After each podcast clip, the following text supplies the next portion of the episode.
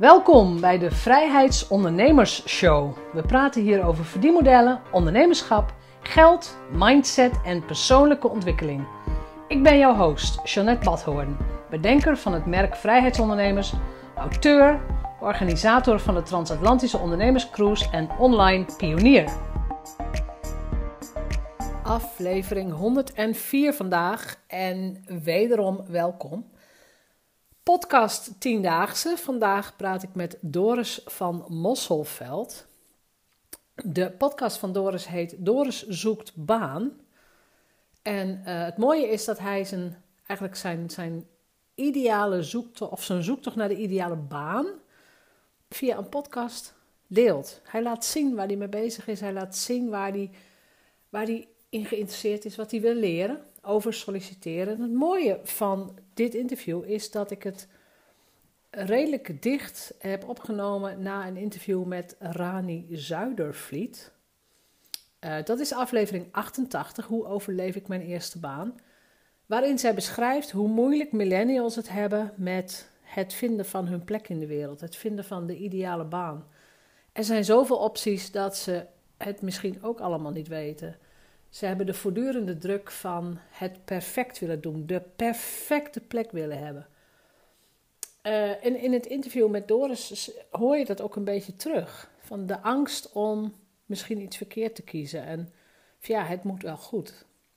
Misschien ken je de naam Doris van Mosselveld. Ik heb geen idee de, of je het kent. Maar hij is DJ geweest, nacht-DJ bij Radio 538. Hij heeft ook uh, de twee uren voor Edwin Evers uh, radio gemaakt. En hij merkte dat hij daar niet meer op zijn plek zat. Hij moest in een format werken wat, nou ja, wat, wat eigenlijk niet goed bij hem paste. Dus geen baan meer of baan opgezegd. Uh, wat dan? En daar praten we over. Hij praat over zijn podcast. We praten over de, de weg die hij neemt. Um, de inzichten die hij krijgt. Ik vond het zelf een erg leuk gesprek, maar hey, dat mag jij ook lekker zelf gaan bepalen. Dus weer bedankt voor het luisteren. Als het je eerste keer is dat je luistert, van harte welkom bij de Vrijheidsondernemers Show. Maar veel plezier met Doris en ik hoop je weer te begroeten in een volgende aflevering. Vandaag praat ik met Doris van Mosselveld. Welkom. Hi, hallo, dank je.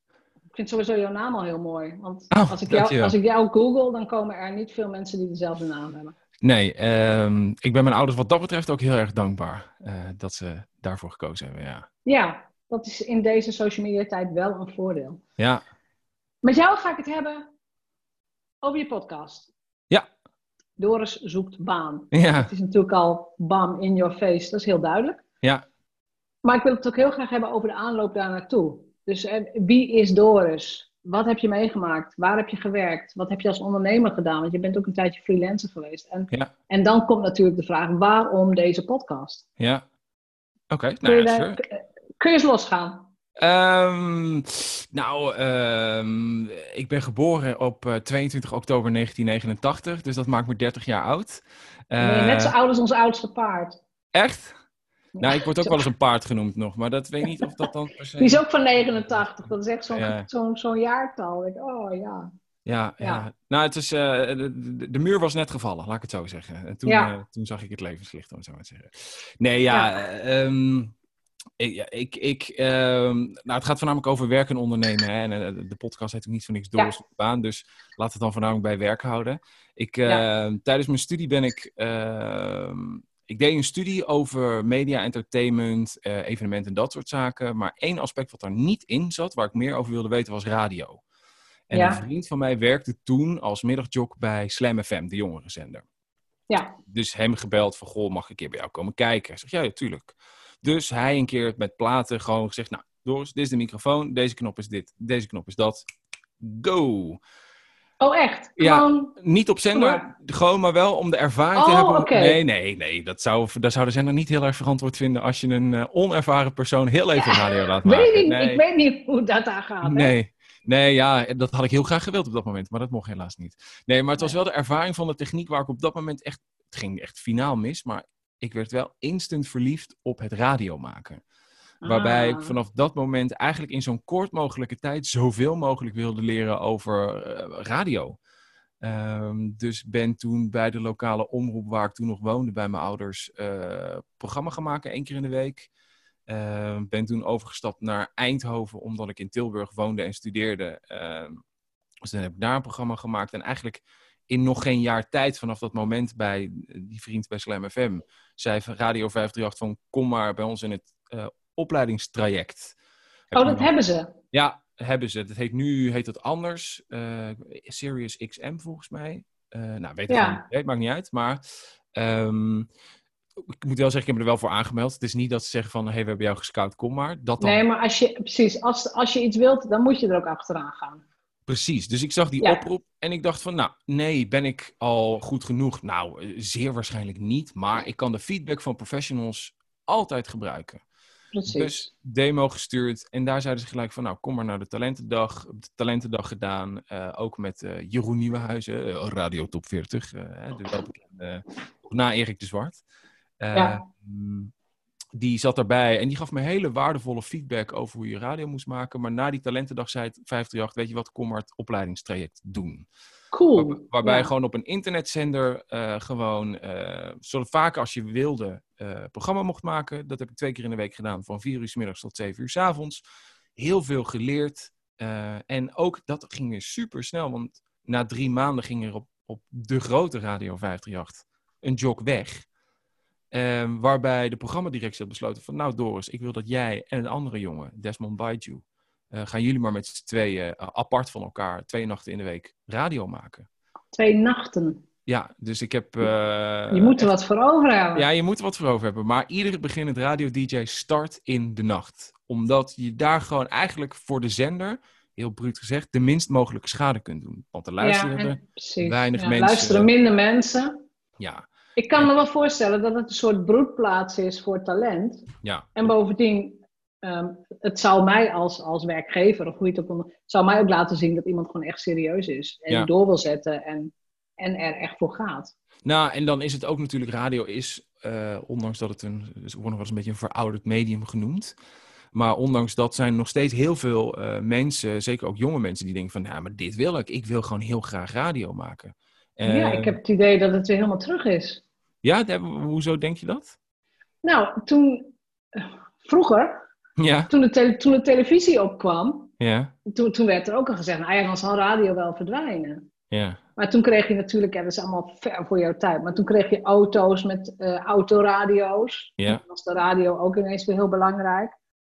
En ik heb juist het idee, doordat wij heel erg mobiel zijn en veel onderweg zijn, um, dat en, en de televisie is ook een beetje ingeruild meer voor, eh, voor, voor Netflix en dat soort dingen. Ja. Dat juist als je gewoon lekker wilt luisteren, dan pak je een radiozender of uh, een podcast. Ja. Maar dat je, dat je dus inderdaad alleen dat zintuig gebruikt om iets tot je te laten komen.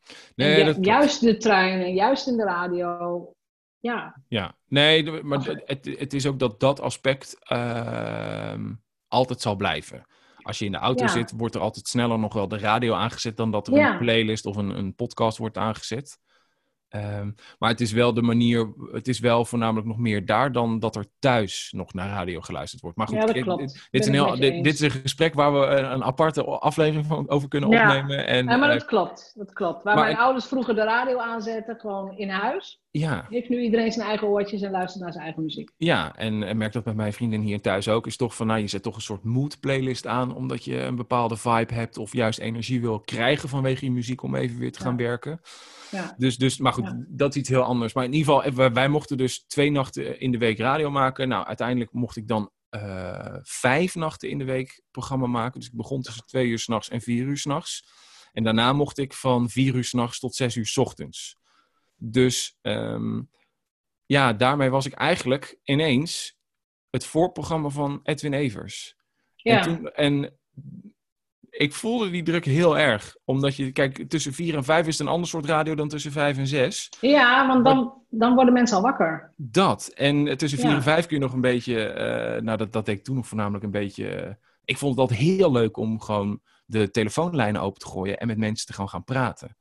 Van ja. Uh, een vrachtwagenchauffeur, een zuster die nachtdienst heeft. Ja. Ook heel veel couriers die medicijnen rondreden. Wist ik ook niet dat dat s'nachts gebeurde. Maar toen ja, de nachtwerkers, ja. ja. En, en ondanks dat iedere vrachtwagenchauffeur bij wijze van spreken hetzelfde verhaal heeft, probeer ik er toch iets unieks uit te halen. Van wat maakt jou als vrachtwagenchauffeur anders dan je collega's? Ja. Um, maar dat komt dus tussen 4 en 5. Tussen 5 en 6 moest ik echt gewoon, ja, echt wel 538 radio gaan maken. Om mensen warm te maken, zodat om 6 uur Edwin Evers met zijn programma kon beginnen. Ja, is dat een soort format? Weet je dat geleerd? Uh, ja, eigenlijk wel. Waar, waar, waar ik achteraf gezien nu als persoon en het soort radio dat ik wilde maken niet per se matchte met de zender. Um, want ik werd echt wel geduwd van ja, oké, leuk dat je een kwartier wil praten met, lu met, met luisteraars. Maar ja, we moeten wel 13 platen in een uur draaien. Ja, en, precies. Uh, kort houden. Dus dat. Maar dus uh, eerlijk is eerlijk, ik had daar heel graag willen blijven werken. Maar mijn contract werd gewoon niet verlengd. Want DJ's en vaste contracten is een unicum. Um, en doordat ik dus niet per se paste bij het format, heb ik gezegd van nou, ik denk dat het toch maar beter is om het niet te doen. En respecteerde die beslissing volledig. Ja. Um, maar vond ook niet dat ik. Ik, ik heb één keer nog bij uh, 3FM geprobeerd, want dat vind ik nog steeds een hele leuke zender. Um, maar dat klikte niet, dat, dat ging niet. Uh, nou, nee. En toen wilde ik eigenlijk voorkomen dat ik als een soort Henny Huisman gezien zou worden, die vond dat hij per se op de radio moest zijn. Um, dus heb toen eigenlijk gewoon besloten om mijn studie af te ronden. En uh, heel erg te gaan nadenken van, oké, wat vond ik leuk aan het radio maken? Dat was dus enerzijds praten met de luisteraars. En anderzijds gewoon met mijn producer nadenken over spelletjes. Dus gewoon, hoe kunnen we een, een, een simpel spelletje bedenken, wat superleuk is om te doen, superleuk is om te presenteren, maar wat voor een luisteraar ook superleuk is om aan mee te doen. Of in de uitzending of, daar, of achter het stuur. En juist dat creatieve aspect dacht ik bij mezelf, oh, maar daar zijn nog andere banen in. Ja. Dus um, ben toen heel erg. Uh, nou, uiteindelijk ben ik bij een platenmaatschappij gaan werken in een creatieve functie, waarbij we probeerden de artiesten uit het label te koppelen aan merken. Um, waar ik hoopte op creativiteit, werd het uiteindelijk meer een functie van, nou, ik heb nu een presentatie nodig, maak het maar. En uh, zorg even voor wat uh, insights, zoals ze dat toen mooi noemden. Gewoon wat data over de artiest die dan past bij het merkbeeld waar we naartoe willen. Ja. Um, dat vond ik niet leuk. En toen gesolliciteerd bij een reclamebureau als creatief. En dat was een reclamebureau voor arbeidsmarktcommunicatie. Dus dan is het niet van uh, koop nu uh, deze potkalf pindakaas, maar kom werken uh, bij het bedrijf dat deze ja. maakt. Ja, ja. Ja, andere, ja, ja. Een enorme niche, een andere soort manier van denken. Het is um, waar wij spreken, denk ik van nou, de pot pindakaas heeft een bruin deksel, laten we iets met dat bruine deksel doen en daar een hele campagne om bedenken. Was het nu, moet je echt van, oké, nee, maar wat het soort bedrijf, wat voor mensen werken er? Ja. Uh, is het groot, Precies. is het klein, wat is de vibe? En daar de magie uitpakken en dat zien vast te leggen in een campagne. En dat uh, vergde heel veel uh, denkstrategieën en denkkracht en daar het bedrijf, waar het bedrijf echt fantastisch was, echt onwijs naar mijn zin gehad, is, het was het zo'n dusdanige niche, um, dat het voor mij, ja, het, het paste gewoon net niet. Um, het paste, paste gewoon net niet. Nee. Neem je dan besluit, oké, okay, ik ga zelf, ik ga weer verder zoeken naar wat dan wel?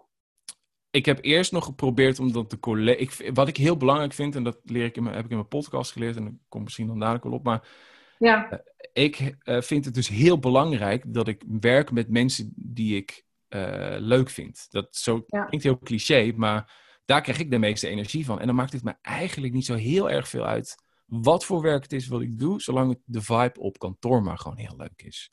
Ja. Dus ik heb eerst geprobeerd om nog te kijken van oké, okay, hoe kunnen we dan het werk zo draaien um, dat ik enerzijds nog gewoon echt wel wat te doen heb en anderzijds uh, nog gewoon zou kunnen blijven. Maar dat hebben we drie maanden geprobeerd, een project te starten. Dat, dat heeft drie maanden gelopen en kwamen tot de conclusie dat, uh, dat het hem gewoon niet werd. En dat lag niet zozeer op het feit dat, dat ik mijn werk niet goed deed of dat de kwaliteit van mijn werk niet goed was. Maar het kwam gewoon niet van de grond. En als ze me dan alleen aan zouden nemen voor dat project, wat eigenlijk niet van de grond komt, ja, dan um, is het misschien maar beter om dan gewoon het contract niet te verlengen, zeg maar. Ja, maar ja, was... dan word je er ook niet gelukkig van. Bedoel... Nee, dus daarom vond nee. ik het zelf ook. Laat ik, zo, ik, ik, wist, ik weet nog, ik, had het, uh, ik zag in mijn agenda het gesprek met mijn baas. En ik wist toen al van, nou, als hij niet gaat zeggen, joh, uh, we hebben het geprobeerd, maar het wordt hem niet, dan ga ik het wel zelf doen. Want ik wil niet nog, weet ik het hoe lang, hierin zitten met de, sorry dat ik het zeg, maar de ouderwetse mentaliteit, niet je schoenen weggooien voordat je nieuwe hebt. Nee. Um, dan wil ik gewoon weg. En dan wil ik gewoon liever mijn tijd nemen om te achterhalen wat ik wel wil. Ehm, dus dat heb ik ook gedaan. Eerst gewoon echt koppen koffie drinken bij reclamebureaus om in september bij een social media bureau te werken. En daar kwam echt de klap van, wauw, dit is het dus zo niet. Um, de mensen waren aardig, maar het waren niet mijn type mensen. Het, het, het gemierenneuk om een social media post, dacht ik bij mezelf, jongens, waar hebben we het over? Dat je gewoon echt een geval had. En ik hoop niet dat hij luistert, want ik bedoel het zeker niet beledigend naar hem toe. Maar ik weet nog dat ik een post moest maken voor, voor een bitterballenmerk. En ik had een grafiekje gemaakt met bitterballen. En, dan, en ik ging bij hem checken van, goh, is het wat? En hij zegt, ja, maar wat nou, die bitterbal die hier staat, hè, ergens rechtsboven. Wat nou als hij niet daar, maar zeg maar 1 millimeter verder naar rechts staat. En toen dacht ik bij mezelf, meen je dit serieus? Ja, dan heb je aan mij wat dat betreft een hele slecht. Want ik denk, wat maakt die ene millimeter dan uit? Ja. Um, dus daar heb ik echt in, drie weken gezegd, jongens, bedankt voor de, voor de kans. Maar voor de kans, ja. Ik heb, ik heb dat soort dingen inderdaad ook meegemaakt. Dat, uh, nou ja, dat is een hele andere branche. In de financiële, ik heb in de bank, bankensector gewerkt. Oké. Was, ik, was ik productmanager van wat toen nog de Accept Giro kaart was. Hè? Dat was voor het hele digitale bankieren. En toen hadden we ook ja, de Accept Giro kaart. Moest je invullen hoeveel geld je ging overschrijven naar iemand anders. Oh ja, ja, nee, die ken ik ook nog Oké, ja. Toen hadden we ook een discussie over um, met, met allemaal mensen van banken, echt met een stuk of acht mensen, over die, dat fysieke Accept Giro kaart dingetje, inderdaad. Of dit lijntje wat hier stond misschien 2 mm naar rechts moest. Oh. Toen dacht ik ook, wat doe ik hier? Echt hè?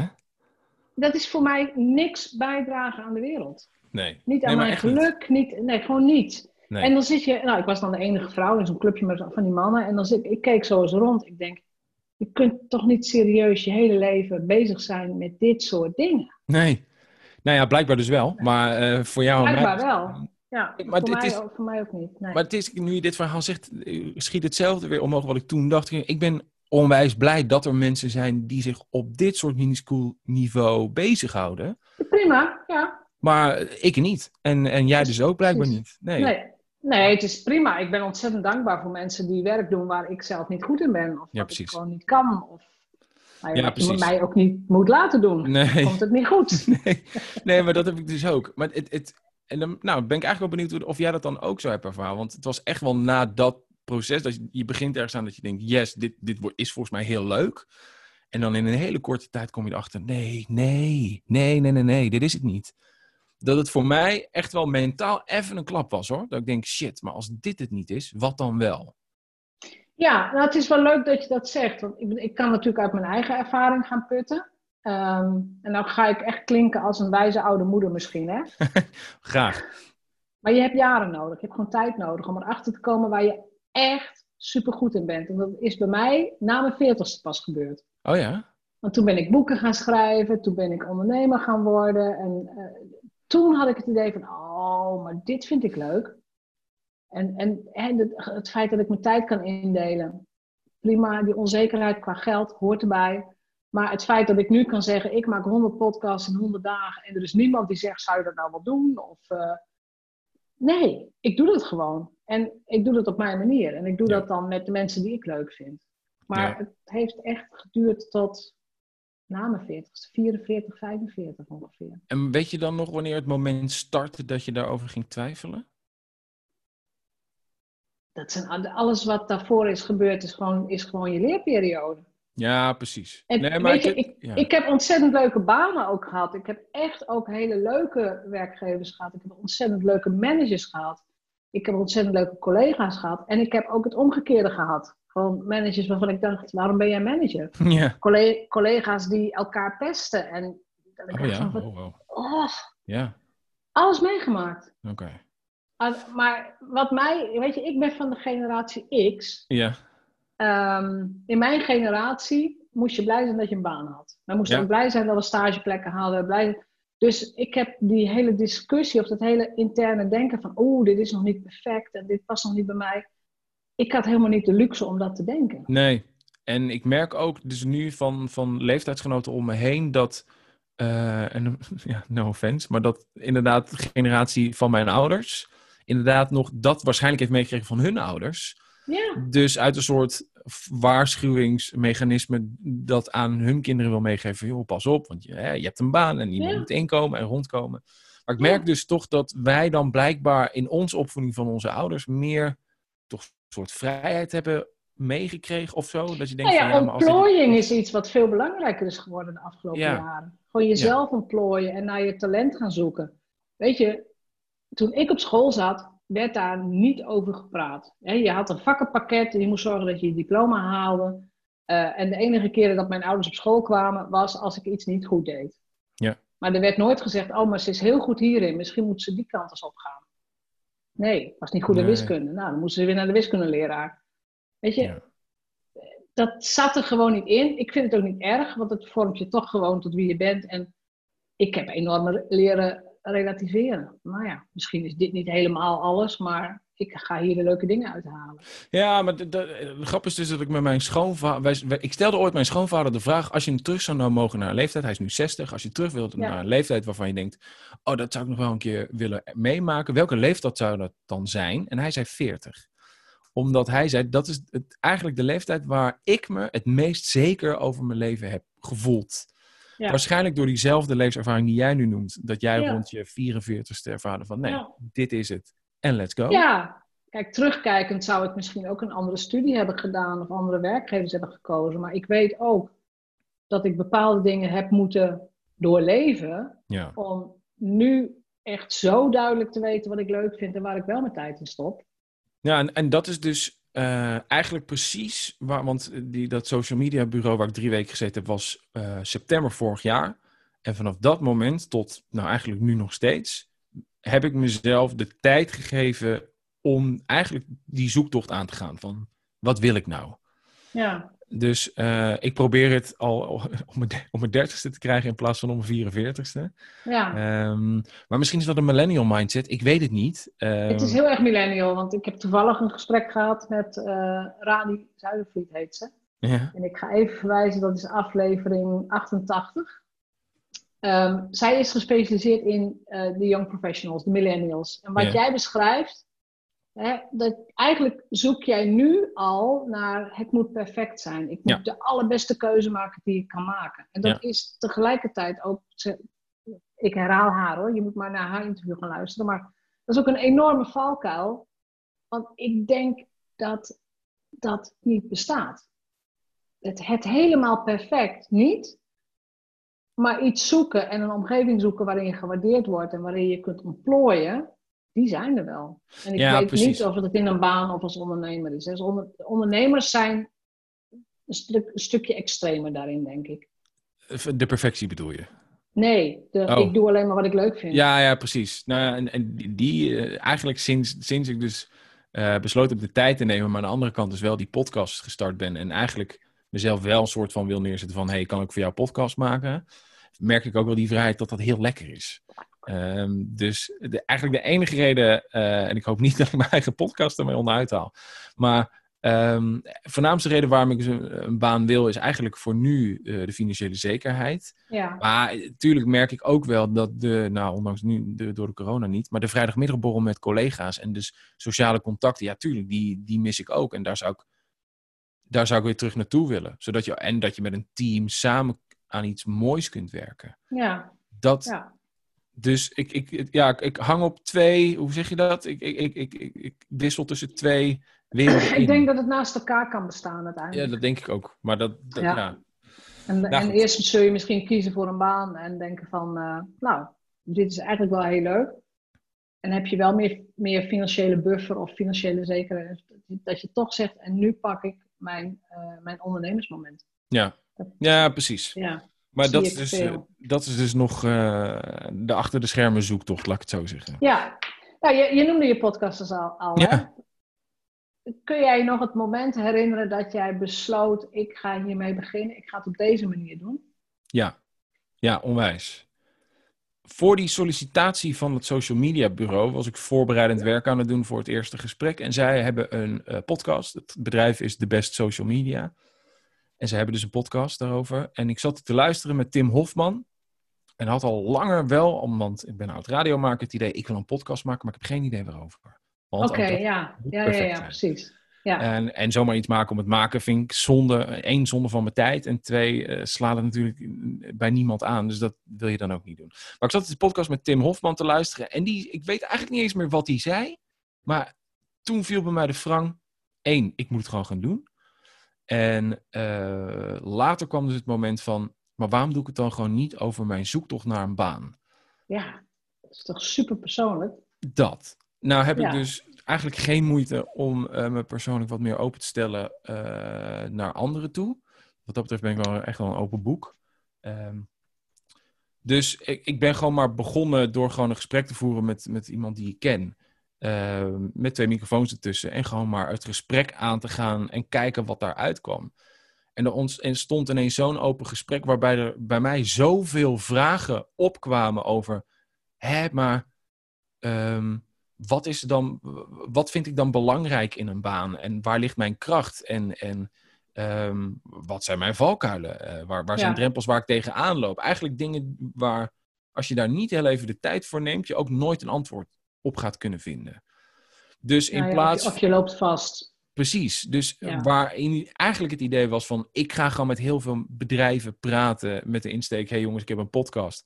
Maar eigenlijk is het gewoon een, een, een slimme sli uh, truc... om gewoon bij uh, bedrijven binnen te komen... om te kletsen in de hoop dat ze me een baan aanbieden. Werd het gewoon meer een persoonlijke zoektocht. Omdat ja. eigenlijk door dat gesprek met die, die, die persoon... dacht ik bij mezelf... ik wil sowieso gesprekken gaan voeren om daarachter te komen... Maar ja. waarom zou ik de, de adviezen die zij mij gaan geven Waarom zou ik die alleen voor mezelf houden? Die adviezen kunnen eigenlijk voor iedereen gelden die even twijfelt over van shit, is dit nou de baan die ik graag zou willen doen? Of wil ik toch liever freelance fotograaf worden of niet? Bijvoorbeeld. Ja, bijvoorbeeld, ja. ja. Dus, uh, en toen ben ik echt meer gaan aanpakken van oké, hoe ziet er dat dan uit? En, en ja. uh, waar wil ik het dan over hebben? Ja. En heb toen echt besloten van, ik denk dat ik in totaal denk 14, 15 afleveringen wil maken, zodat je van begin tot eind een rond verhaal hebt. Dat als je, wij spreken, als je een boek zou lezen, uh, aan het einde van de afleveringen een stappenplan moet hebben. Van je een soort stappenplannetje van oké, okay, we gaan eerst dit onderzoeken, dan dat. Ja, dus ik heb eerst uh, een, via een uh, vriendin van mijn vriendin een boek gelezen van Ginny, ik, en ik hoop dat ik de achternaam goed zeg, Ra Radikishu. Zij heeft het platform Vacature via Ginny. Um, oh ja, ik ken wel Radakishun als achternaam. Ja, nou, maar ik, ik, ging niet. Ja. Nee, maar het, laat ik zo zeggen, ik woon in de buurt van Amsterdam. En zeker in de reclame-industrie in Amsterdam is dat een veel gebruikt vacature media, uh, medium voor het uitzetten van vacatures. Ja. Ik had het boek gelezen en, um, en merkte dat blijft zo'n advies. Want zij had ook van: dit is je stappenplan en uiteindelijk vind je, kun je dan je droombaan vinden. Maar bij een boek, en ik hoop niet dat ik jou als auteur daarin kan uh, beledigen, maar het voelde heel erg oppervlakkig of zo. Het miste toch diepgang. Um, ja. En daar ben ik zelf niet zo'n mega-lezer, maar eigenlijk tot dusver heb ik nog weinig boeken gelezen die, laat ik zo zeggen, meestal aan het einde van het uh, boek heb ik eerder nog vragen over dan dat ik antwoorden heb voor mezelf. Ja. Um, dus juist daarom dacht ik bij die gesprekken van... oké, maar dan ga ik dus ook de vragen stellen die ik dan aan het einde van dat boek had. Terecht. Um, dus dus uh, de eerste aflevering is met uh, een recruiter uit de reclame-industrie, Arno Peperkorn. Uh, en, en hij begon een beetje eerst oppervlakkig van... nou ja, maar je moet weten wat je waard bent... en om zekerder over te komen bij een, bij een gesprek... en wat breng je mee? En ik denk bij mezelf, ja, oké, okay, ik snap het wel. Maar hoe kom ik daar dan achter? Hoe weet ik, wat, welke stappen moet ik dan ondernemen om te weten wat ik dan mee kan nemen naar zo'n gesprek? En uh, merkte aan hem dat hij die vraag zo fijn vond, dat het daardoor meteen een heel mooi, diepgaand gesprek werd. Ja. Um, en, en wat, wat, was dan zijn advies? Want, want dit is niet alleen voor mensen die een baan zoeken. Nee, in principe niet. Want het is ook voor de ondernemer die zegt: Ik heb een hele waardevolle training of ik kan mensen heel goed helpen met dit of dat. Maar die hebben ook nog steeds de moeite met een goede prijs vragen, um, hun eigen waarde claimen. Dus wat was zijn advies daarin? Ja, dan moet ik heel even denken nog. Dus het is echt, ik, dit gesprek heb ik denk ik in november vorig jaar al Ja, en, en ik moet eerlijk zeggen, die heb ik niet teruggeluisterd. Ik heb nee, dat is niet een paar van, paar van jou teruggeluisterd, maar die dus net niet. Nou, het, het, was gewoon denk ik voor mij eerder gewoon de realisatie van uh, je, je, laat ik het zo zeggen. Ik wil nog een aflevering opnemen dat gaat over weten wat je waard bent en daar dan een cijfer aan koppelen. Ik denk dat dat gesprek met Arno echt eerder ging over uh, dat je het waard bent om de stap te ondernemen die je graag wil nemen. Dus het was eerder een soort emotionele ommezwaai dan weten van oké, uh, ik ga weet ik veel 50 euro per uur vragen of 75 euro per uur. Ja. Dat gesprek uh, ga ik nog voeren. Dat komt er nog aan. Ja. Um, maar het is, je, je zegt het ook eigenlijk, um, deze podcast gaat dan nu over een banenzoektocht en erachter komen wat, wat, je, wat je wil en zo. Maar het is eigenlijk gewoon een psychologisch onderzoek naar jezelf, wat op meerdere vlakken ook toepasbaar is. Ja, dus gewoon het zoeken naar... Um, Wie ben ik? En, je, doel, je doel en, en, en je zin in het leven. Ja, maar en ik krijg dus heel veel, uh, of veel is een groot woord, maar ik heb wel een aantal berichten van mensen gehad die zich heel erg herkenden in de vragen die ik stelde. En ja. heb aan hun ook gevraagd van, maar wat is dan hetgene wat je eruit hebt gehaald? En zij zeiden ook allemaal, of in ieder geval het grootste gedeelte, eigenlijk gewoon het, de realisatie en de motivatie om daadwerkelijk iets te gaan doen wat je echt wil gaan doen. Ja. En eigenlijk de randzaken van een baan moeten hebben, want ik moet een baan hebben. Um, maar niet meer primair hebben, maar secundair mag zijn. Ja. Ja, en ik dat zie, herken ik. Zie herken ik. Zie, ja. Nee, ik zie oh, okay. ik, want ik probeer steeds het bruggetje naar de ondernemer. Ik zie het bij de ondernemer ook. Op het moment dat jij echt supergoed in je talent zit, hè, je, je doet echt iets waar je heel goed in bent en je bent heel gelukkig, dan, weet je, dan straal je dat ook gewoon aan alle kanten uit.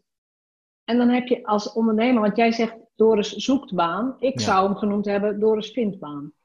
Ja. De, de, ba de, banen vliegen op je af. Want dat is ja. bij een ondernemer die krampachtig klanten zoekt, heeft moeite. Een ondernemer die klanten aantrekt, leeft vanuit een, een soort gelukkige positie. Ja.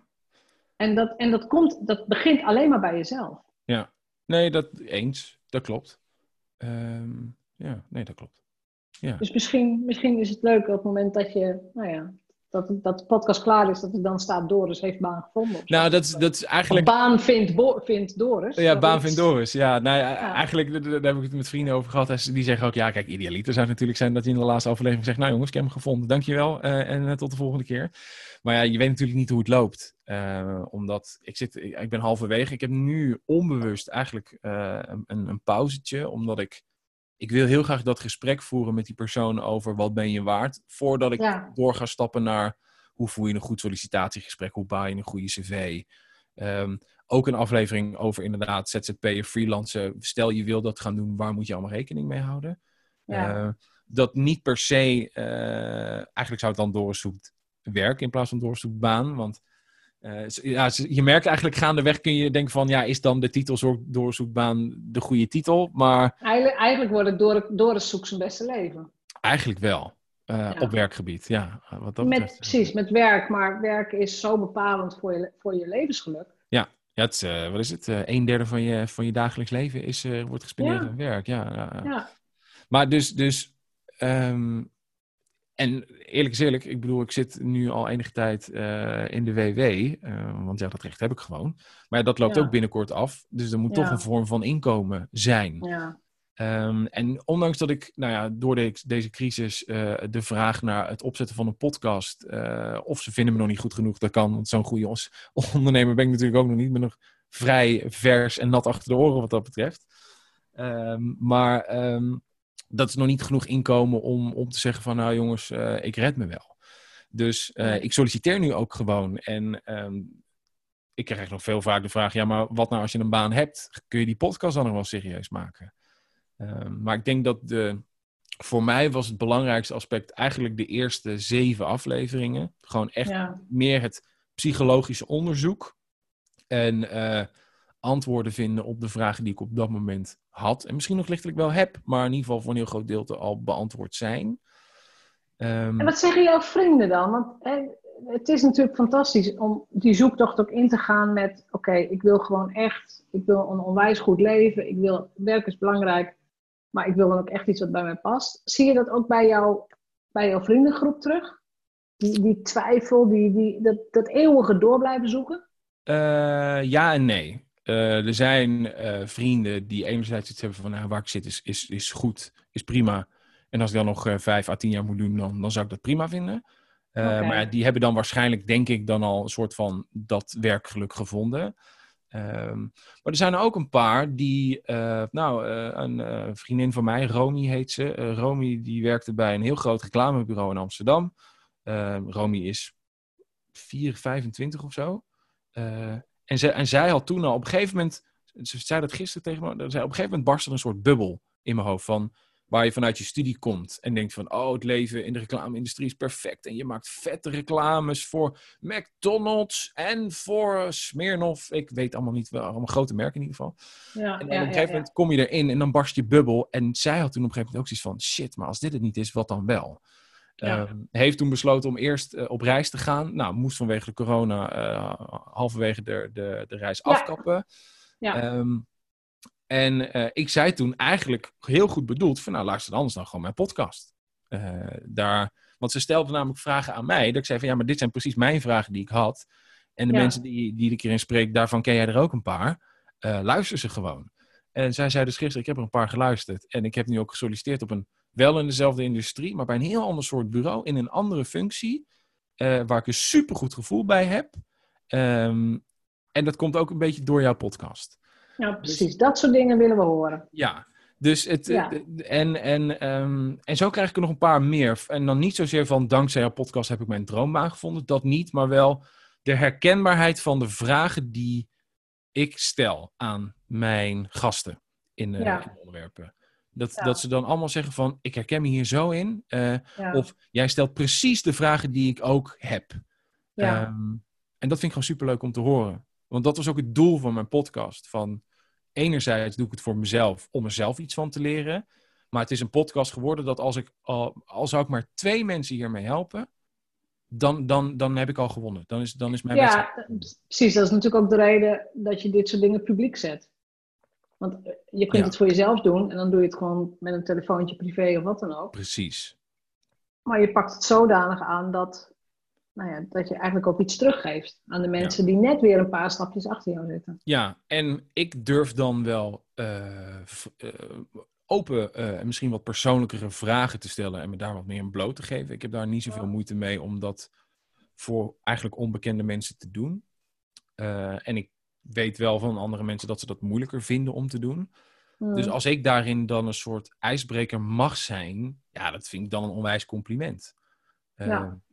Als, als ik... Nou ja, dat is, dat is de rol die je kiest. Eigenlijk wel, ja. Ja, dat, ja.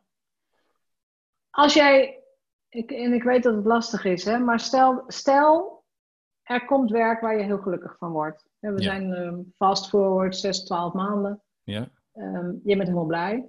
Ja. Dat ben ik voor een heel groot gedeelte al hoor. Maar op werk, ja. Super. Ja. Komt er dan een andere podcast? Ga je verder met dat hele want eigenlijk is het, is persoonlijke ontwikkeling, hè? zelfreflectie, persoonlijke ontwikkeling. Ga je daarmee verder? En blijf je dat met ons delen? Uh, de, de, ik heb hier al over nagedacht. Seizoen 1 zou dan inderdaad het ronde verhaal zijn van uh, hoe kom je erachter wat je wilt tot ik heb hem daadwerkelijk gevonden. En dan, die kan twee kanten opgaan, heb ik wel bedacht. Enerzijds kun je zeggen van door zoek baan, maar het is een andere insteek. Je gaat namelijk gewoon met bijzondere ondernemers in gesprek, zoals bijvoorbeeld Jeanette Badhoorn. Uh, over hoe doe je dat en uh, waarom doe je dat. En um, gewoon echt meer over werk praten. Ja. vraag me dan alleen af of daar mijn persoonlijke interesse ligt. Want ik vind gesprekken voeren wel leuk, maar het moet wel zelf heel interessant blijven voor jezelf. Ja, ja, ja zeker. Anderzijds is dat het, de podcast niet meer Doris zoekt baan heet, maar Doris zoekt puntje, puntje, puntje. En ja. um, ik heb bijvoorbeeld uh, ik vind het bijvoorbeeld lastig om nieuwe vrienden te maken. Uh, heb gelukkig een set vrienden waar ik heel blij mee ben. Dus heb je dan nieuwe vrienden nodig, dat is nog maar de vraag. Maar uh, nieuwe connecties maken is iets wat ik wel lastig vind. Dus ik heb bijvoorbeeld oh. dan ook al gekscherend nagedacht. Van, nou, misschien kun je het dan opvolgen met doorzoekt vrienden. Of, uh, ik vind hem wel leuk. ja, of, of nou, we hebben dan nu een hond, maar we wilden, mijn vriendin en ik, vriendin en ik wilden heel graag een hond. Dat je zegt, nou, zoek hond, weet je wel, waar moet je rekening mee houden? Hè? Dus eigenlijk een soort guideline tot het nemen van, dat je zo goed voorbereid bent dat je weet waar je aan begint als je een puppy van acht weken in huis hebt. Allemaal dat soort dingen. Maar is, is dat niet een heerlijke, um, ja, hoe zeg je dat, een soort idealistische valkuil? Hoe bedoel je dat? Je kunt zoeken wat je wilt, maar je weet toch niet wat er gaat gebeuren. Nee, dat, dat is ook zo. Dat klopt. Dus met, met een hond of met een kind of met een baan of met whatever. Je, je hebt een voorstelling. Ik, bedoel, ik heb kinderen en honden en paarden en banen, alles gehad. Maar je hebt een voorstelling van, oh, dit, dit, zo gaat het worden. Het wordt nooit zo. Nee, dat klopt. Dat is ook zo. En, en merk eigenlijk ook wel door die zoektocht van de afgelopen maanden dat ik Waar ik dan bij wijze van spreken eerst nog uh, uitgebreid veldonderzoek deed voordat ik ergens aan begon, ben ik nu ergens iets van jongens, het maakt toen niet uit. Begin maar gewoon. Begin maar gewoon, ja. ja dus uh, ik ga voor, ik zit in een, een, bestuur van een stichting voor jonge reclamemakers en we wilden daar ook een podcast maken. Nou, dat idee lag al maanden op de planken en we moesten allemaal erover nadenken en het moet het perfecte format zijn. Ik denk, jongens, maakt nou uit. mijn ervaring heeft nu geleerd, doe het maar gewoon. Die eerste aflevering gaat toch niet perfect zijn. Dus nee. Uh, nee. Dus maar, maar wat is perfectie voor jou? Leg dat eens uit. Perfectie voor mij is uh, op terugkijken met trots. En het gevoel hebben, en dan hoeft het niet perfect te zijn, dan mogen er fouten gemaakt zijn. Maar als je er wel op terugkijkt en denkt, wauw, dit heb ik dus gewoon gedaan. En dit vind dit, dit, Heb je ook mededogen voor jezelf als je een foutje merkt? Absoluut. Ja, okay. zeker wel. Ik uh, ben geen Paul de Leeuw. Ik heb ooit die documentaire van hem gezien als er één minuscuul dingetje in zijn show fout ging, dan was hij aan het razen in zijn eigen kleedkamer. En dan was de hele show kut en uh, weet ik het allemaal ja, wat. Dat is toch een recept voor overspannenheid? Is ook. Um, ja. Dus ja, weet je, um, nou, we hadden laatst een sessie van die stichting, een digitale sessie. Ik was daar de moderator van. Uh, ging het goed? Nee, het had allemaal beter gekund en het had vlotter gekund. En uh, ja, misschien had ik me beter voor moeten bereiden. Eh, de opening ging eh, zeer slecht. Maar ik kijk op terug en denk wel, ja, maar we hebben het wel geflikt. We hebben het wel gewoon gedaan. Dus ik kijk daar met heel veel trots op terug. En heb wel zoiets van, yes, dit hebben we wel gewoon met, uh, met zes man, hebben we dit gewoon voor elkaar gebokst. Wat jij nu beschrijft is een kernaspect van geluk. Wat? Iets doen. Accepteren dat er valkuilen komen, dat er misschien dingen niet goed gaan. Maar in plaats van te zeggen, nou, dit ging niet goed, dat ging niet goed. Nee, zeggen, ik heb het wel gedaan. Of we hebben het gedaan. Ja. En, uh, en erop terugkijken met een heel mild gevoel naar jezelf toe. Van ja, god, hè, ik had graag dit of dat resultaat willen halen. Uh, het is niet gelukt. Nee. Ik zie dat bij ondernemers, ik zie dat bij mezelf ook. Van, oh, ik had die omzet willen halen. Of ik had zoveel klanten willen halen. Ja, is niet gelukt. Maar ik heb het wel gedaan. Ja. En, en dan is natuurlijk de vraag, wat kan ik daarvan leren? Dat is een beetje zo'n zo'n standaardvraag. Ja. Dat, is een, dat is een vraag die ik mezelf niet heel vaak stel. Ik ga, ik ga liever de andere kant op van, wat maakt dat jij nu dit resultaat haalde? Want ja. daar kom je heel vaak bij de belemmerende overtuigingen, bij de beperkingen in je hoofd, bij de, de identiteitsshift die je nog niet hebt gemaakt. Ja daar zit de crux. Het gaat nou, heel vaak niet om net even een stapje extra. Of, nee, maar, ja. maar, ik denk dan ook, nu, eh, zo je dit zegt, heb ik ook zoiets van, als eigenlijk de crux vraag van, wat kan ik hiervan leren? Um, hetgeen wat je ervan wil leren, hoef je je niet af te vragen, dat weet je dan op zo'n moment gewoon. Ja. Er is iets niet goed gegaan, dan weet je meteen, oké, okay, dit is niet goed gegaan, dus doen we dat de volgende keer beter. Dus dat is hetgene wat je ervan geleerd hebt. Ja, Kijk, als je zegt, wat kan ik hiervan leren? Dan, ga je nog, dan heb je nog steeds de aanname dat jij iets niet goed hebt gedaan. Precies. Terwijl jij op dat moment het allerbeste hebt gegeven van wat jij vanuit die capaciteit kon doen. Ja, maar ik denk dus wel dat dat valt of staat met wat de reacties van buitenstaanders zijn. En of je daar daarnaast dan gevoelig voor bent, ja of nee. Inmiddels heb ik door de radio dat niet meer. Maar ja. um, tuurlijk, als jij, uh, stel in die sessie die ik net noemde, die we gedaan hebben, als er, als er één iemand was geweest die had gezegd van, nou, ik vond helemaal niks. Ik, ik vond het duurde te lang, het was saai, niks geleerd. Ja, dan ga je bij jezelf nadenken van, oh shit, het ging helemaal niet goed. Dan had ik me waarschijnlijk ook veel minder trots gevoeld dan dat ik nu had gedaan, tuurlijk. Maar uh, dat is niet gebeurd. En daardoor ja. voel je dus makkelijk, denk, ja, shit, we hebben dit gewoon gedaan. Ja, dus, er zitten natuurlijk wel uh, heel veel gebieden aan. Hè? Ik bedoel, als, als ik banketbakker zou zijn en ik krijg de opdracht om een huwelijkstaart te maken, noem maar iets. Ja. En, uh, en Bakhoorn. nou, precies, bakken. Ik kan het niet hoor. Maar, nee, oké. maar ik kom nou aan met een verfrommeld stukje slagroomgebak en de bruidegom mist. Of, dat kan niet. Nee. Weet je, dat, dan hoef je ook niet te zeggen, ja, maar ik heb het wel geprobeerd. Ja. ja. Nee. Ja. Nee. Dus er is natuurlijk wel een soort norm van goed is goed genoeg. Ja, ja, ja precies. Die, die, norm, ja. Nou, wat, precies. Wat, wat is je eigen uh, benchmark? En het klinkt nu zeker in dat hele ideoloog, uh, hoe zeg je dat, ideologische uh, beeld van, dan, dan zou ik denken van, het is dus nooit perfect genoeg. maar ik denk dat op microniveau, in, nou, het voorbeeld is al bewezen in jouw bankvoorbeeld en bij mij bij het social media bureau, die ene millimeter waar dat lijntje of die bitterbal staat, ja, dat, dat, dat, dat maakt ons niet uit. Nee, ons dus niet, dan nee. is goed, goed, dan is goed, ben- goed ik- genoeg. Precies, dan is het al heel snel goed genoeg. Ik ben ook niet de, niet de verschilzoeker. Ik ben niet van de details. Dus dan moet je mij dus niet laten doen. Waar moet, wat dat- moet ik jou wel laten doen? Ben ik nu eigenlijk wel benieuwd naar.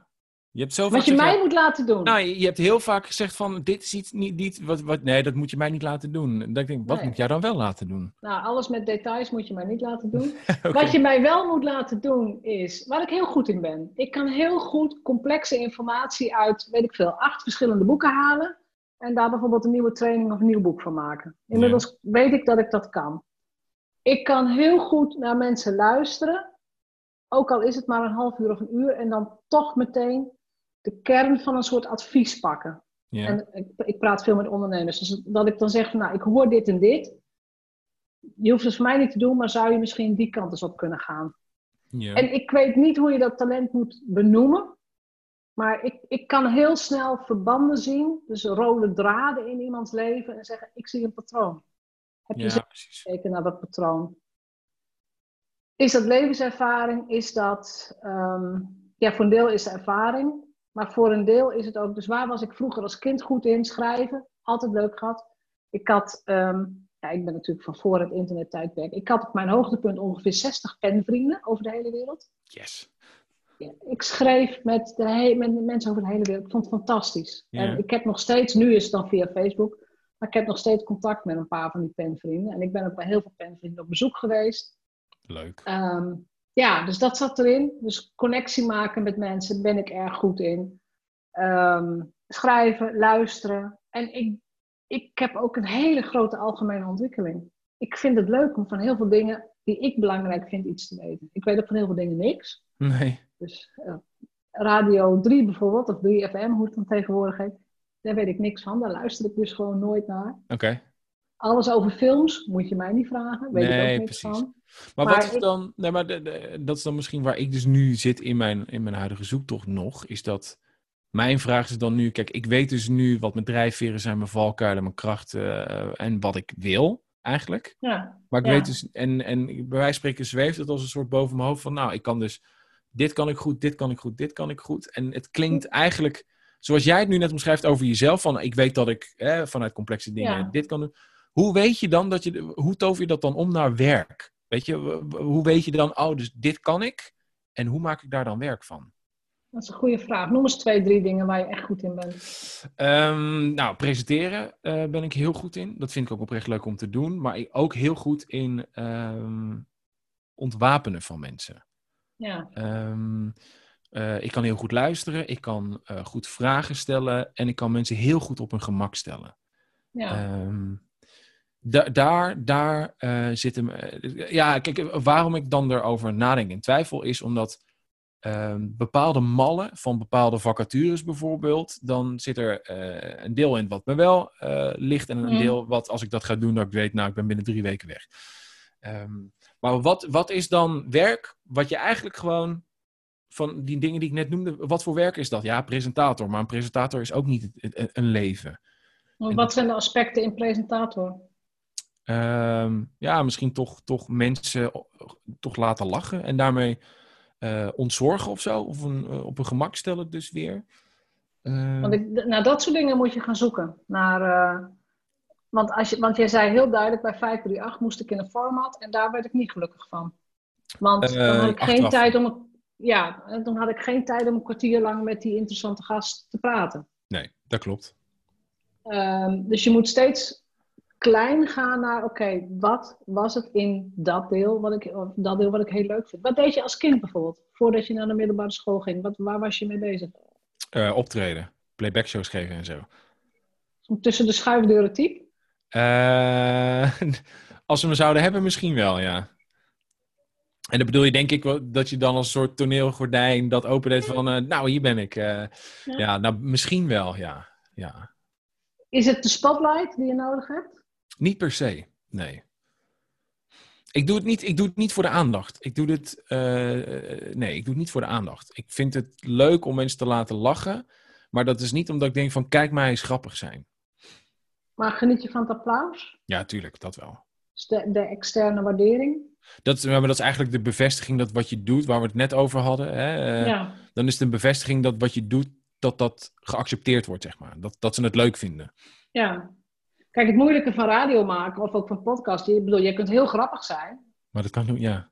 Je weet het maar niet. je hoort niemand. Je, hoort, je hoort niemand. Het enige is dat je dan daarna misschien berichtjes krijgt. Dus het is, het is heel belangrijk om te gaan zoeken naar welke aspecten in mij kan ik gebruiken om überhaupt sowieso om geld te gaan genereren. Ja. Ik denk dat met de talenten die jij hebt, dat je meer dan genoeg geld kunt gaan genereren. Maar de rest moet je eromheen bouwen. Dus als bijvoorbeeld externe bevestiging belangrijk is, hoe zorg ik dan dat ik dat toch krijg? Ja. Ik heb zelf ook heel lang op het podium gestaan. Ik ben heel lang spreker geweest. Ik had altijd één stelregel, en ik werd daar gewoon ook goed voor betaald, hè, dus het was gewoon werk. Maar ik had één stelregel. Ik wil dat ze minstens allemaal een keer lachen. Ja, nee, maar die heb ik ook. Een soort ontspanning moet erin zitten in die zaal. En, en ik moet een soort plezier hebben met die zaal. En, maar op het moment dat je de zaal voor je hebt, kun je dat gewoon live doen. Dan kun je wat op aanpassen. Of je kunt, maar dat kun je niet als je, naar alleen maar, als je een webinar geeft of een podcast maakt. Kun je dat niet. Nee. Dus dan moet je het op een andere manier gaan doen. Dus voor mij is dat gewoon via social media inderdaad bijvoorbeeld zeggen van wat vind je van de podcast? Ja, precies. Dus mijn, mijn, gasten vragen van heb je het met je, met je publiek gedeeld? Wat vinden zij ervan? Ja. Um, en ik, ik, er zijn mensen intern gemotiveerd, extern gemotiveerd. Ik heb het allebei een beetje. Ik vind het heel leuk dat mensen zeggen: Oh, wat heb je een leuk boek geschreven? Maar ondertussen denk ik, ik schrijf het boek ook gewoon omdat ik dat boek wil schrijven. Ja, nee, precies. Dus maar dat, dan, wat dat betreft zitten we op één lijn. Dat heb ik namelijk dan ook. Ik doe wel dingen, als ik het idee snap, denk ik, denk, yes, dit, dit vind ik leuk en maakt me niet uit wat iemand ervan vindt, ik doe het gewoon. Ja. Maar als je natuurlijk wel van mensen hoort dat dan wat je dan doet, uh, dat dat gewaardeerd wordt en, ge uh, en, geaccepteerd wordt en dat mensen het leuk vinden, ja, natuurlijk, dat is dan, dan weet je dat je op het goede pad zit. Ja, precies. Dan weet je, en dan weet je ook dat je iets van waarde bijdraagt. Ja. Nou ja, wat jij zo beschrijft, hè, je kunt vragen stellen, luisteren, mensen op hun gemak stellen. Er zijn ontzettend veel ondernemers die het heel moeilijk vinden om hun verhaal te vertellen. Ja. Wie ze zijn, wat voor onderneming ze hebben. Dus je zou inderdaad kunnen kijken van, is het is het, ben ik geschikt als een soort interviewer voor, voor bepaalde video's die je op je website moet hebben, op je ja, pagina. Of, dus een, een soort niche product binnen het zelfstandig ondernemerschap. Ja, ah, goeie. Zoiets. Maar ja. je, moet, je moet heel goed nadenken, inderdaad, talent. En er moet een klant zijn die zegt, oh, daar heb ik geld voor over. Ja, precies.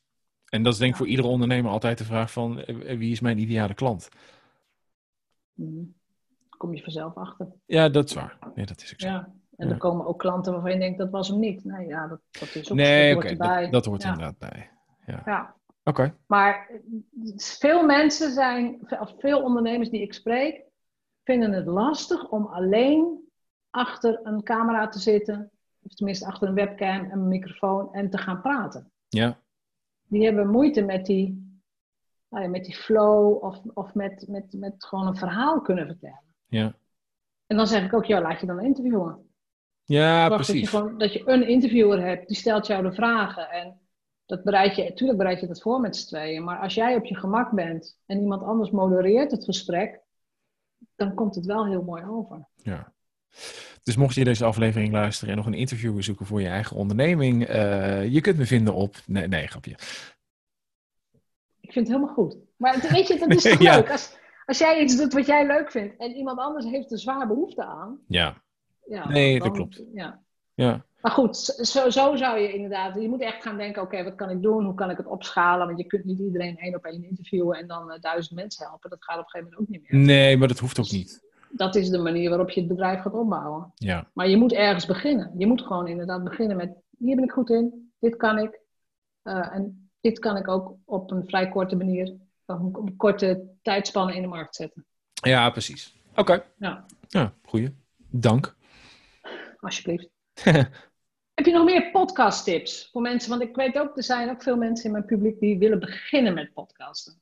Oh, um, ja, ik dacht dat je bedoelde welke podcast je moest gaan luisteren. Maar uh, het starten met een podcast. Um, nou ja, eigenlijk mijn, mijn motivatie was gewoon um, je denkt dat het perfect moet gaan zijn en uh, dat je een bepaalde verwachting moet voldoen. Uh, en dat dat eerst voldaan moet worden voordat je überhaupt ergens aan gaat beginnen. Nee, het is gewoon echt de, de cliché. Doe het gewoon. Weet dat de eerste aflevering nooit goed gaat zijn zoals je het wil hebben. Maar dat dat juist de aflevering is die ervoor zorgt dat je podcast daarna wel beter gaat worden. Ja, dat is de eerste pannenkoek. Precies. De eerste pannenkoek ja. is nooit, die is altijd, altijd smerig. Ah. Zo ja, flats zo'n en zo nat. brobbellapje. Ja. Gadverdamme. En dan doe je de poedersuiker op en dan denk je bij jezelf, nee, nog steeds niet. Nee, maar, maar dat is het. En um, ja, kijk, ik kan natuurlijk wel... Uh, je hebt twee, in de podcastlandschap twee soorten mensen. Eentje is uh, goed is goed genoeg. Uh, en de ander is van nee, nee, ik moet de allerbeste apparatuur hebben en het moet technisch in orde zijn. Ik moet een hele, hele kamer hebben die... Nee joh, koop als je net zoals ik, ik heb een microfoon, een USB-microfoon, die kost nou, zeg 150 euro. Die plug je zo in je laptop en je hebt meteen gewoon... Nou, dat is misschien ook voor mij dan. Je hebt meteen het gevoel, ik zit erin. Het is een soort van... Uh, mensen die voor op toneel op gaan, heel even in een rol komen. Dat mama, mama, mama, mama, mama. Ja, ja, ja, ja. Gewoon dat, dat, dat zet je mindset erop van, oké, okay, we're in it. We gaan gewoon nu ervoor en go. En doordat ja. je een microfoon dan hebt, kom je sneller in die flow. Ja. Dat heeft bij mij ook wel geholpen. Het zijn uh, misschien ook jouw radiojaren, dat weet ik niet. Dat zou heel goed kunnen hoor. De, de liefde voor die fysieke microfoon. Uh, even, ik haal hem heel even weg. Nee. Nee, weinig verschil. Nee? Uh, nee, okay. nee, weinig verschil. Nee. Je wordt niet ongelukkig zonder nee. microfoon. Het is niet dat ik denk, nee, blijf hier. Nee, nee, dat heb ik dan niet. Nee. Um, maar dat, ja, weet je, ja, toch een setting creëren waarvan je denkt, waardoor je de focus dan hebt om het daadwerkelijk te gaan doen. En weet Ja. je, maak gewoon de eerste aflevering. En al doe je Ja. dat zonder microfoon is het ook goed. Maar doe, maak Ja, gewoon die eerste aflevering. Met je telefoonoortjes kan ook allemaal. Nou, ik, eh, Ehm. ik heb dus mijn, een kort verhaaltje. Mijn overburen gingen ook op reis. ehm, en die hebben dan zo'n zo'n eh, Polar Step, zo'n hele fotoreeks gemaakt. Ik zei, weet je wat je moet doen? Pak je mobiele telefoon. De, buur, de overbuurvrouw heeft gewoon een, een, een een iPhone 10. Ehm, ik zeg, als je daar gewoon opneemt en dan met z'n tweeën gewoon op tafel legt. En met z'n tweeën met een biertje op het balkon gewoon vertelt wat je, wat je allemaal gedaan hebt in de afgelopen tijd. Dan dat is superleuke toevoeging aan de foto's die je hebt gemaakt. Nul ervaring, zijn, eh, zijn allebei wel docent. ehm, maar geen ervaring met presenteren of zo. Ze hebben het gedaan. Ze hebben zes afleveringen gemaakt. Al hun vrienden en familie, en wij trouwens ook, mijn vriendin en ik, vinden het fantastisch. Het is gewoon, ze zijn gewoon gaan zitten. Ze hebben gewoon een, een telefoon aangezet en ze zijn gewoon gaan praten. Het is super Maar zonder microfoon, zonder, zonder verlenging. Zonder verlenging. Het is gewoon letterlijk telefoon, de iPhone 10, eh, druk op opnemen in de dictafoon-app eh, en eh, ja, biertje open en, en ga. Fantastisch. Ja, maar dat Ja. is dus ook. Goed is goed is goed genoeg en doe wat bij je past. En heb er plezier in. Dat is het. Want dat voelen mensen ook. Ja, maar je weet ook, als je, als je die eerste aflevering gemaakt hebt en je krijgt er meer energie van dan dat het je gekost heeft, dan weet je dat je sowieso goed bezig bent. Ja, precies. Dan weet je dat je goed bezig bent. Maar als je Is daar nog... wil weten, dan moet Ja? je aflevering 6 met Timo Kamps luisteren van mijn podcast. Die gaat hierin eh, heel erg diep op in. Hoe weet ik waar ik goed in ben? Ja, Ja, ja ik heb het voor me. Ja. Dat is een hele belangrijke. Heb je nog een laatste tip, advies, iets wat je mee wilt geven aan de luisteraar? Ehm, ja toch heb scheid aan de rest. Eh, yes! Dat is het. Eh, heel erg geleerd uit mijn Subtle art of radio. not giving a fuck. Precies, heb ik ook gelezen, dat boek. Ehm, ja, erg, erg grappig. Maar dat is het. Ehm, je kan je enorm druk maken over wat anderen ervan zullen vinden. Maar dan moet je je één afvragen: wie zijn die anderen? En ga ik die überhaupt in mijn leven ooit nog een keer tegenkomen? Ja of nee? 9 van de 10 keer is het antwoord nee. Ehm, dus wat gaat de mening van die persoon uitmaken op hetgeen wat je daadwerkelijk wil gaan doen? Ehm, Ja. dat is een, een les die ik uh, in de afgelopen jaren uh, dankzij de radio heel erg geleerd heb. En uh, me daar wel een stuk vrijer door voel. Heb je Stephen Covey al gelezen? Nee. The nee. Seven Habits of Effective People? Nee. Maar ik, oh. ik, ik zoek. Dat is een klassieker. Echt, ik heb oprecht, ik heb net omdenken uit. dus ik ben nog op zoek naar een nieuw boek. Dus thanks voor de tip. Ik ga hem zo ja, meteen even bestellen. Ja, dat is een klassieker. Dat is echt een klassieker. Die, die je hoort gewoon in elke boekenkast. En uh, een ander goed boek, wat ik, uh, daar ga ik nog een podcast over opnemen, maar dat wordt een lange aflevering. Um, The Six Pillars of Self-Esteem. Oh, oké. Okay. Dus de zes pijlers van eigenwaarde. Onwijs goed boek, als het okay. gaat over hoe bouw je eigenwaarde op. Ja, goeie. Nou, ook dik boek. Dus uh, nou, het heeft ja, ik, tijd gekost om daar doorheen te komen. Als niet-lezer schikken dikke boeken mij meestal heel erg af. Dus, uh, maar goed. Nee, als weet je, je Weet je wat voor? Ik lees alles op de Kindle. Dus ik bestel ze gewoon digitaal. Ja. Ik heb geen idee hoe dik die boeken zijn. Ik ga er gewoon oh, heen. Zo. Ik denk, oh, gewoon... Je hebt gewoon e-readertje dus. Ja. Ja, precies.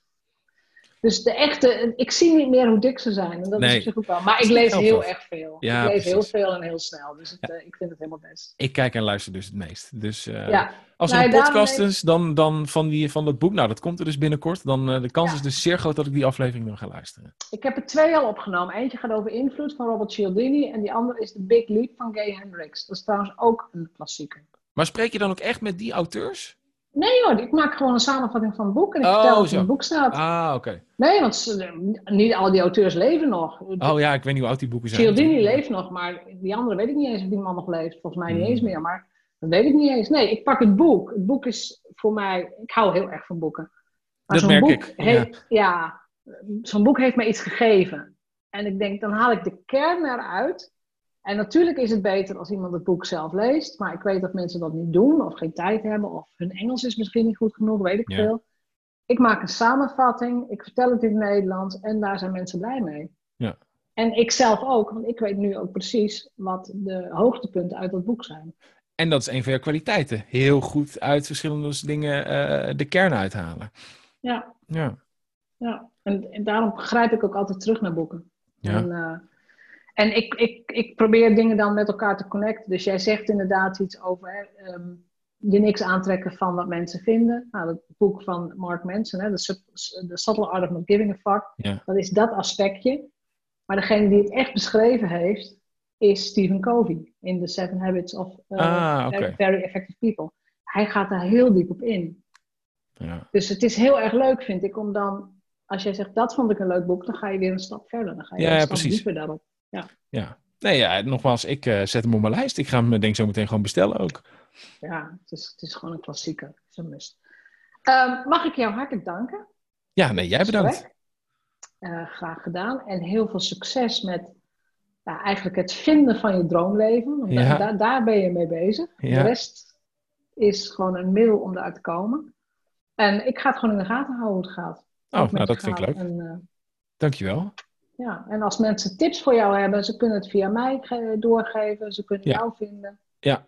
Ik zal ook in de show notes de link van je website zetten en eventueel je LinkedIn profiel. Ja, dat is Dan, goed. eh, kunnen ze jou ook vinden. Ja, graag. Eh, en eh, als ik ergens mensen ook mee kan helpen, laat het ook maar weten. Dan, ik help graag. Dat is ook iets wat ik heb geleerd. Ik help graag.